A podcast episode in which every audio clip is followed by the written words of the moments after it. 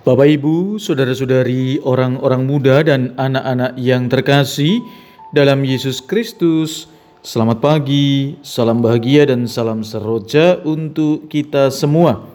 Berkah dalam. Bersama dengan saya, Romo Antonius Garbito Pamboaji menyampaikan salam dan berkat Allah yang Maha Kuasa. Dalam nama Bapa dan Putra dan Roh Kudus. Amin. Hari ini Jumat 5 Februari adalah Jumat pertama dalam bulan dalam pekan biasa keempat. Bertepatan juga dengan peringatan wajib Santa Agatha, perawan dan martir.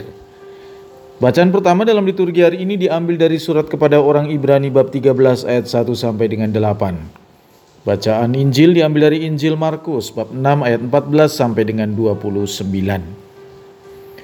Pada waktu itu Raja Herodes mendengar tentang Yesus sebab namanya memang sudah terkenal dan orang mengatakan Yohanes Pembaptis sudah bangkit dari antara orang mati.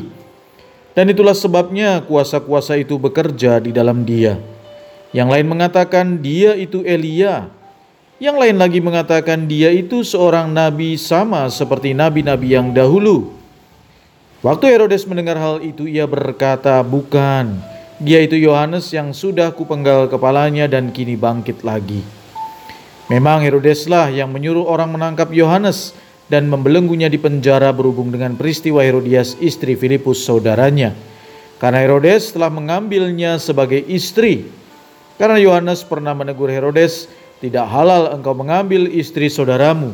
Karena kata-kata itu Herodias menaruh dendam pada Yohanes dan bermaksud untuk membunuh dia tetapi tidak dapat. Sebab Herodes segan akan Yohanes karena ia tahu bahwa Yohanes adalah orang yang benar dan suci.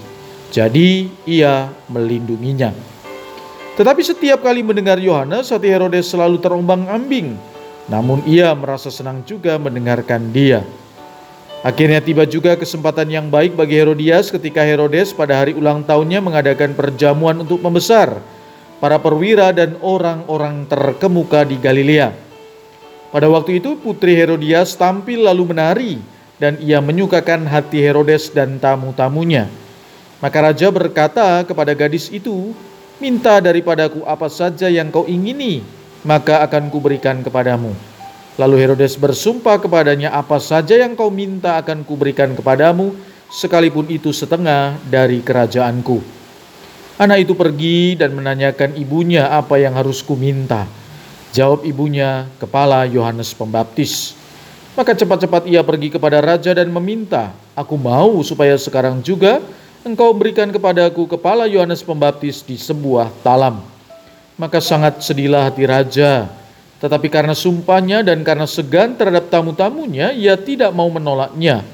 Raja segera menyuruh seorang pengawal dengan perintah supaya mengambil kepala Yohanes. Orang itu pergi dan memenggal kepala Yohanes di penjara. Ia membawa kepala itu di sebuah talam dan memberikannya kepada gadis itu, dan gadis itu memberikannya pula kepada ibunya.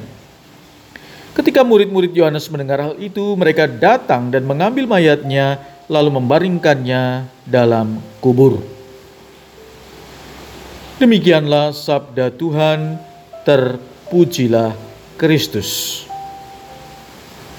Saudara-saudari yang terkasih, Yohanes Pembaptis dalam kisah Injil hari ini mengalami apa yang dikatakan kebanyakan orang, memperjuangkan kebenaran, membutuhkan pengorbanan. Herodes tahu bahwa Yohanes adalah orang benar dan suci. Ia berusaha melindungi, namun kebenaran yang diwartakan Yohanes ternyata menyakiti hati Herodias. Yohanes dengan lantang mengkritik apa yang dilakukan oleh Herodes terhadap Herodias.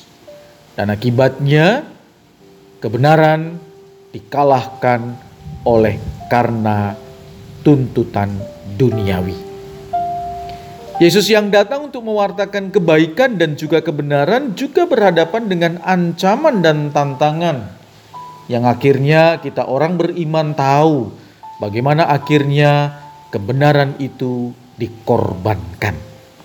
Namun meski demikian, Yesus tetap rela menyelesaikan tugas perutusannya dari Bapa. Demikian juga dengan banyak martir dalam perjalanan sejarah gereja. Termasuk salah satunya Santa Agatha yang kita peringati hari ini. Saudara-saudari, kebenaran memang menyakitkan. Kita diajak untuk senantiasa berani mengatakan kebenaran kita diajak untuk senantiasa tidak takut karena kita adalah pengikut-pengikut Kristus. Kebenaran akan bersinar dan menjadi terang bagi kegelapan dunia. Dan itu membutuhkan pengorbanan. Yesus, para martir, Yohanes Pembaptis telah mengalaminya. Mereka mewartakan kebenaran, mereka mengorbankan nyawa, tetapi rahmat Tuhan tetap menyertai mereka. Marilah kita berdoa. Tuhan Yesus, semoga dalam kehidupan kami, kami bukan hanya mengatakan tentang kebaikan, tetapi juga kebenaran, agar kemuliaan-Mu semakin nyata. Berkat Allah yang Maha Kuasa dalam nama Bapa dan Putra dan Roh Kudus. Amin.